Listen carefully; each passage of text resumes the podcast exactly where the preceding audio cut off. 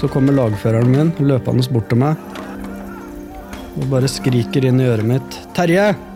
Jeg har skutt og drept to personer. Ja, det er mottatt, sier jeg. Våre historier, en podkastserie fra Forsvaret.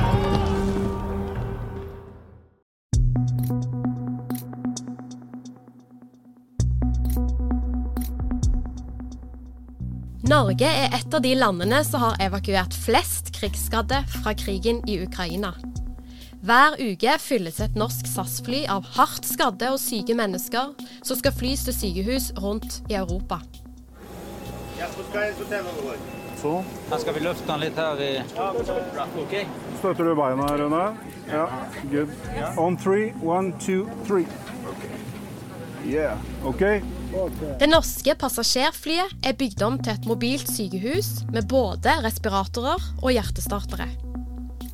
Hvordan er det om bord på et av disse flyene? Og hvordan skjer selve evakueringen? Du hører på Forsvarspodden. Jeg heter Hege Svanes.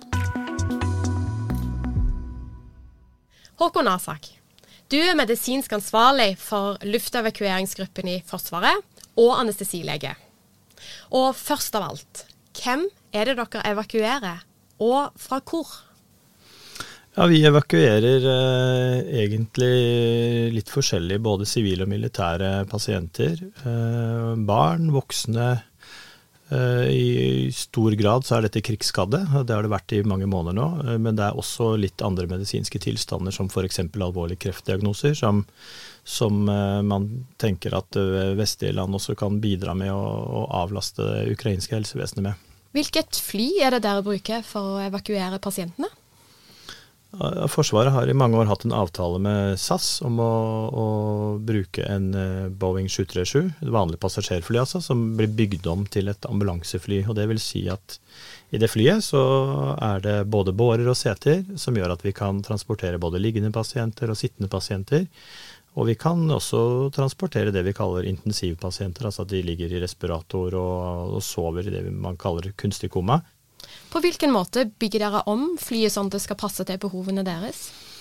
Eh, Vi har, vi har forskjellige konfigurasjoner dette flyet kan, eh, kan bygges om til ut ifra om det er flest liggende eller flest sittende, men vi har endt opp med å velge en løsning nå som passer ganske godt på det bildet vi ser av, av hva behovet er, og det er en kombinasjon av opptil 20 liggende pasienter og opptil 15-20 sittende pasienter med pårørende. Eh, Men vi kan bygge om til mer seter eller mer bårer, men det er det egentlig det behovet vi ser. Så den maskinen står egentlig nå ferdig rigget, og vi flyr jo fast ukentlig og skal gjøre det nå eh, frem til eh, mot jul. Er det, det er liksom det som er avklart nå med EU og Norge, da. De aller fleste av oss har jo vært inne på Du sier at dette er et vanlig passasjerfly. Og det kan de aller fleste av oss relatere til eller se for seg. Men hvordan, hvis du skal prøve å tegne dette flyet for oss, da, som ikke har sett det som et ambulansefly? Eh, Vi har eh, ti bårerekk som er oppå hverandre, dvs. si to og to oppå hverandre, så det kan ligge én pasient litt nærme gulvet og én litt i høyden. Eh, Og det kan vi gjøre inntil ti sånne bårerekk, som da kan ta 20 pasienter liggende. Eh, Sånn at i det flyet, når man kommer inn i flyet, så vil man møte både det bårerekkene og noen vanlige flyseter som man er vant til, men en del av flysetene er tatt ut til fordel for bårerekk. da. De heises om bord i, eh, i det vi kaller for en ambulifter, altså en, eh, en heis, slags heis hvor man legger båren inn, så de heises inn bak i flyet, og pasienten blir båret inn i flyet. Mens de som går, de går på den vanlige måten vi er vant til, inn på en vanlig flytrapp inn i flyet. Eh, og så er det klart at når man da får fylt opp flyet, så er det jo en spesiell stemning om bord med tanke på Det er i hvert fall ingen tvil om at disse menneskene vi henter har vært gjennom veldig mye. Det kan man se på øynene deres. Og man kan se det på, på hvordan skader de har, og du kan se det på blikk og lukt og syn. Altså man kjenner at det er eh, Man får det ganske tett på sansene sine, faktisk. Hvis du skal beskrive den stemningen for oss, Nei, det er veldig sterkt å, å kjenne så tydelig på og se en takknemlighet, og hvordan de på en måte litt sånn skuldrene senkes litt forsiktig når de liksom skjønner at nå skal vi faktisk ut av, ut av en krigssone. Stemningen er eh, Den er ganske rolig, og, hva skal jeg si, eh, man er preget av situasjonen, men den er ikke noe hektisk, eller det er ikke, noe, det er ikke mye gråt nødvendigvis og sånn, men, men eh, mer sånn preget litt av stundens alvor, samtidig som det er en, en stor del av lettelse i det vi ser. Og, og når man snakker med de, eh, så forteller de jo ganske, ganske greit hva de, hva de, har vært gjennom, hva de tenker om det. Sånn. Og de uttrykker jo en lettelse og en takknemlighet. Og ukrainerne er jo slik vi opplever de veldig ærekjære, og vil jo egentlig tilbake i eget land så fort som mulig. De er veldig tydelige på at de egentlig på en måte ikke vil dra, men, men de skjønner også at for at de skal få en ok behandling, en bra behandling, så, så er dette noe som må til. Og så ønsker de seg tilbake igjen så fort som mulig. Hva betyr det for deg å være med på et sånt oppdrag som dette? Nei, Det er et veldig eh, givende oppdrag, selvfølgelig. Å, kunne hjelpe Det blir jo veldig direkte, det man gjør. Man, man, helt konkret går inn og gjør en forskjell for noen. Sammen med mange andre. Vi er jo veldig mange som har et nært samarbeid om dette her. Dette er ikke noe one man show. Eh, men jeg syns det er veldig givende. Eh, selv om det er eh, mye jobb og mye koordinering, eh, så er det veldig lett å motivere seg til det. Det gir meg mye mer energi enn det tar energi, på en måte. Er det noe som har gjort særlig inntrykk på deg? Ja, hver eneste flygning gjør et sterkt inntrykk. Men det er klart at å flytte spesielt uh, unge mennesker som har blitt utsatt for alvorlige krigshandlinger, det gjør store inntrykk. Og eksempel uh, ja, unge mennesker som har blitt skutt i nakken og blitt lam fra, liv, fra halsen og ned, f.eks. Som, som har uh, vært vanlige studenter, sånn som vi gjør i Norge, og har valgt å gå i krigen og forsvare sitt eget land, uh, som blir utsatt for sånne handlinger og blir egentlig kvesta for livet, men allikevel klarer å uttrykke en takknemlighet og en, et, et, naturlig smil, på en måte. Det, det, det kjenner jeg at det, det, gjør noe med meg, selvfølgelig.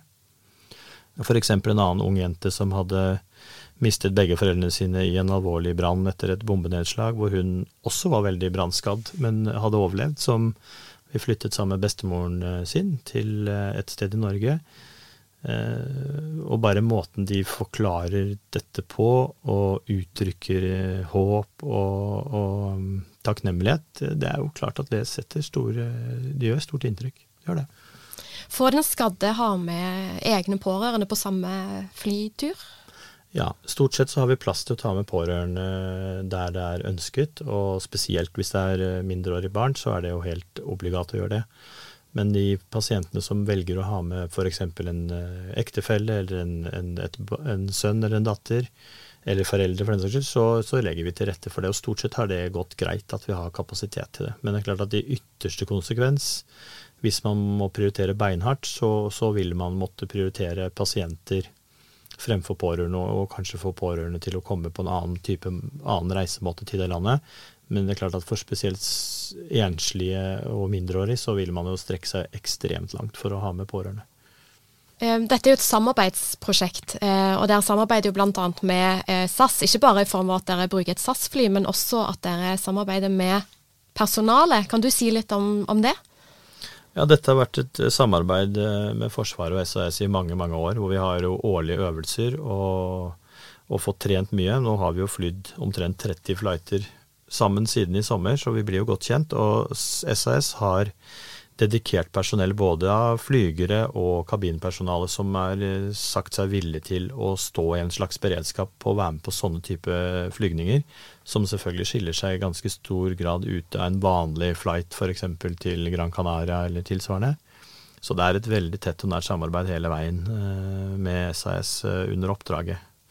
Hvordan er de blitt forberedt på at det til dels kan være ganske sterke inntrykk, så møter de på en sånn tur? SAS har, har et internkurs hvor de, hvor de går litt igjennom eh, det, det personellet bør være obs på. Og så har vi også en, eh, en, finger med i spillet i dette at vi snakker jo ofte med de på forhånd om hva vi skal hente den dagen. Hva man skal forvente, hva vi forventer. Eh, og det er jo egentlig at de skal gjøre jobben sin, på en måte, og det er de jo ekstremt gode på. Men de gjør veldig mye mer enn det.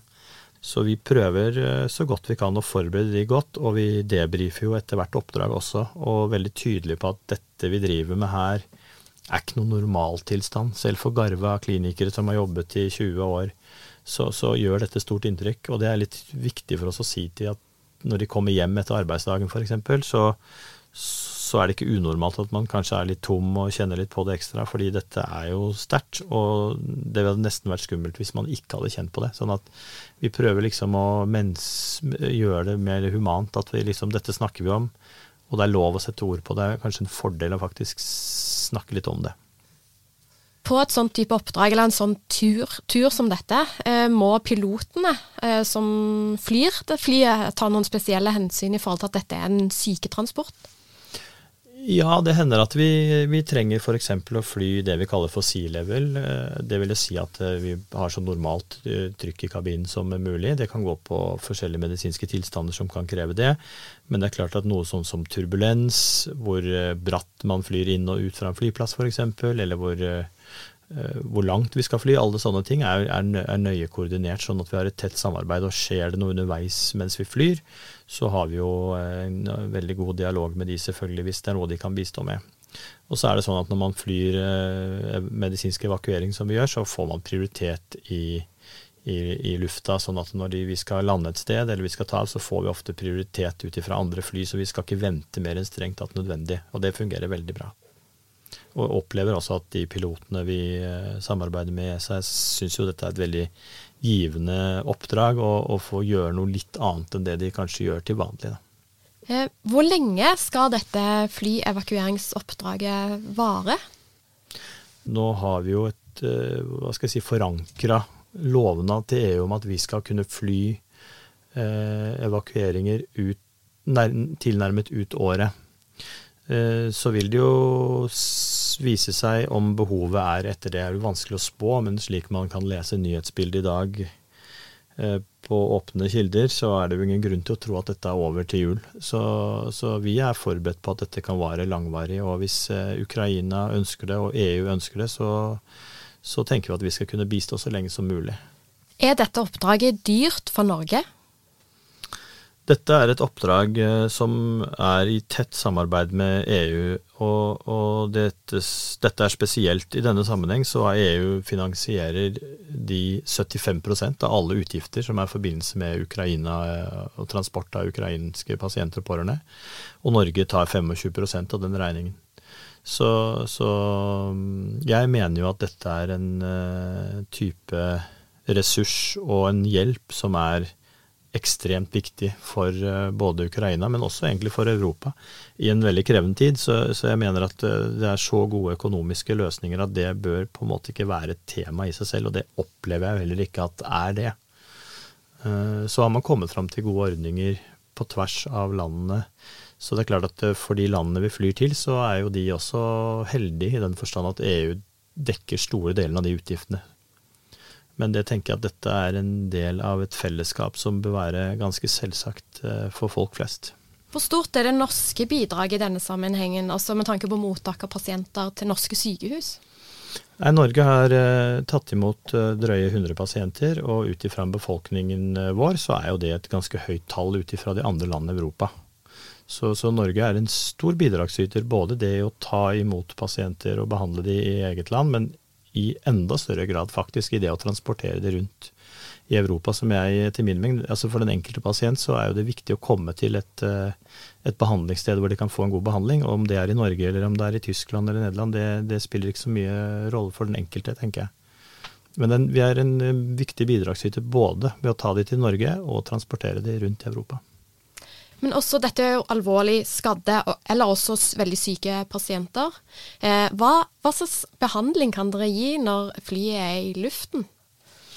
Ukrainerne har et uh, imponerende helsevesen. men De uh, har, står i veldig vanskelig situasjon, det er jo ganske åpenbart for oss å se på. Men de gjør veldig gode medisinske vurderinger og behandler pasientene etter minst like god standard som man gjør resten av Europa. Sånn at de pasientene som de bestemmer seg for at kan dra, de er ofte godt behandla. De har ofte fortsatt infeksjoner og trenger en god del eh, operasjoner og rehabilitering av forskjellig art, men, men, de sendes ut, så er de i utgangspunktet ganske stabile. Allikevel så vil noen av de pasientene bli ganske syke underveis, og det har vi jo noen eksempler på. At de, at de kan få alvorlige infeksjoner, blodforgiftning, eller at de kan få blodpropp f.eks., som er en ganske vanlig komplikasjon av sånne skader, da kan vi behandle de tilsvarende langt på vei det man gjør på en intensivavdeling. Vi kan drive med vi kan legge folk i respirator hvis det er nødvendig, eller gi de antibiotika hvis de trenger det, eller annen type støttende behandling. Men, men, de fleste pasientene de krever omsorg og pleie og blir møtt med respekt og et vennlig smil, mens noen av pasientene er jo er på en måte i en fase som er veldig risikofull. Og, og det har skjedd at pasienter som har kommet i hvert fall til andre land i Europa, ikke har klart å komme hjem gjennom sykdomsforløpet sitt i livet selv om de er transportert ut. Sånn at det vil si at de har vært gjennom store påkjenninger og, og har en, et, et, skadepanorama som på en måte Faren er ikke over før det har gått veldig mange uker og måneder, faktisk. Men er det sånn at eh, de må være Altså de er alvorlig skadde, som du sier, men må de på en måte være eh, så og så stabile for at de kan tåle en sånn type evakuering? Ideelt sett så skal pasientene flyttes i en rolig fase hvis man har kapasitet til å behandle de selv. Sånn at Eh, som jeg nevnte, så har eh, ukrainerne jo, gjør de veldig gode vurderinger. Og det kan godt hende at de kommer dit hvor, eh, hvor, presset blir så stort at de må, må, si at pasientene må transporteres tidligere enn det man ideelt sett ønsker.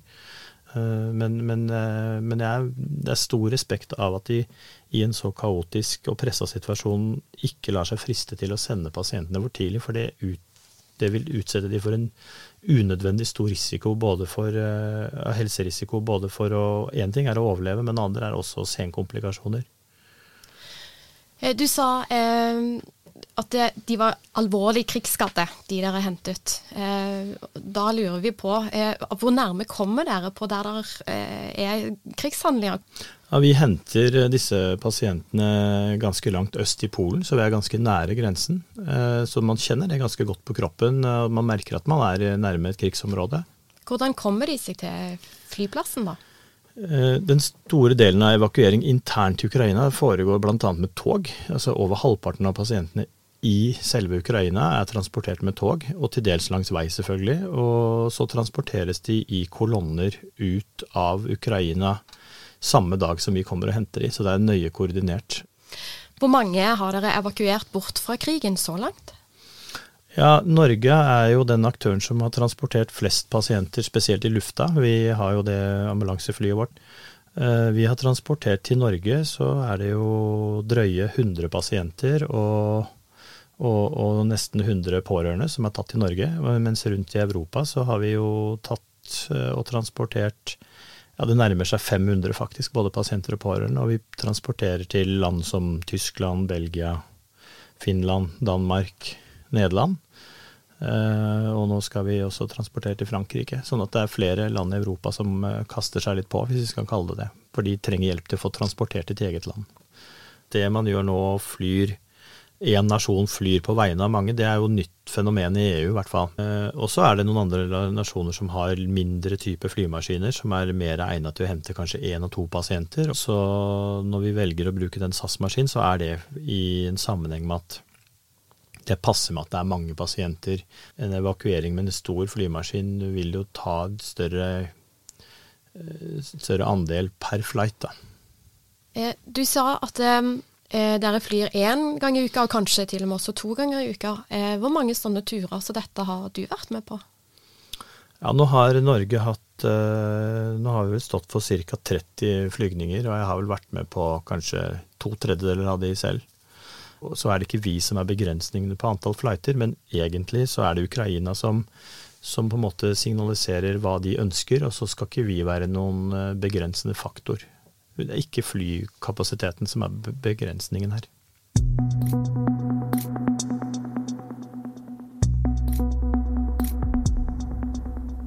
Du har hørt på Forsvarspodden. Hvis du liker podkasten vår, må du gjerne anbefale den til venner og kjente. De som har laga denne episoden, er Lars Hallingstorp, Kristine Hellesland, Fredrik Tandberg, Thomas Haraldsen, Jørgen Lyngvær og meg, Hege Svanes.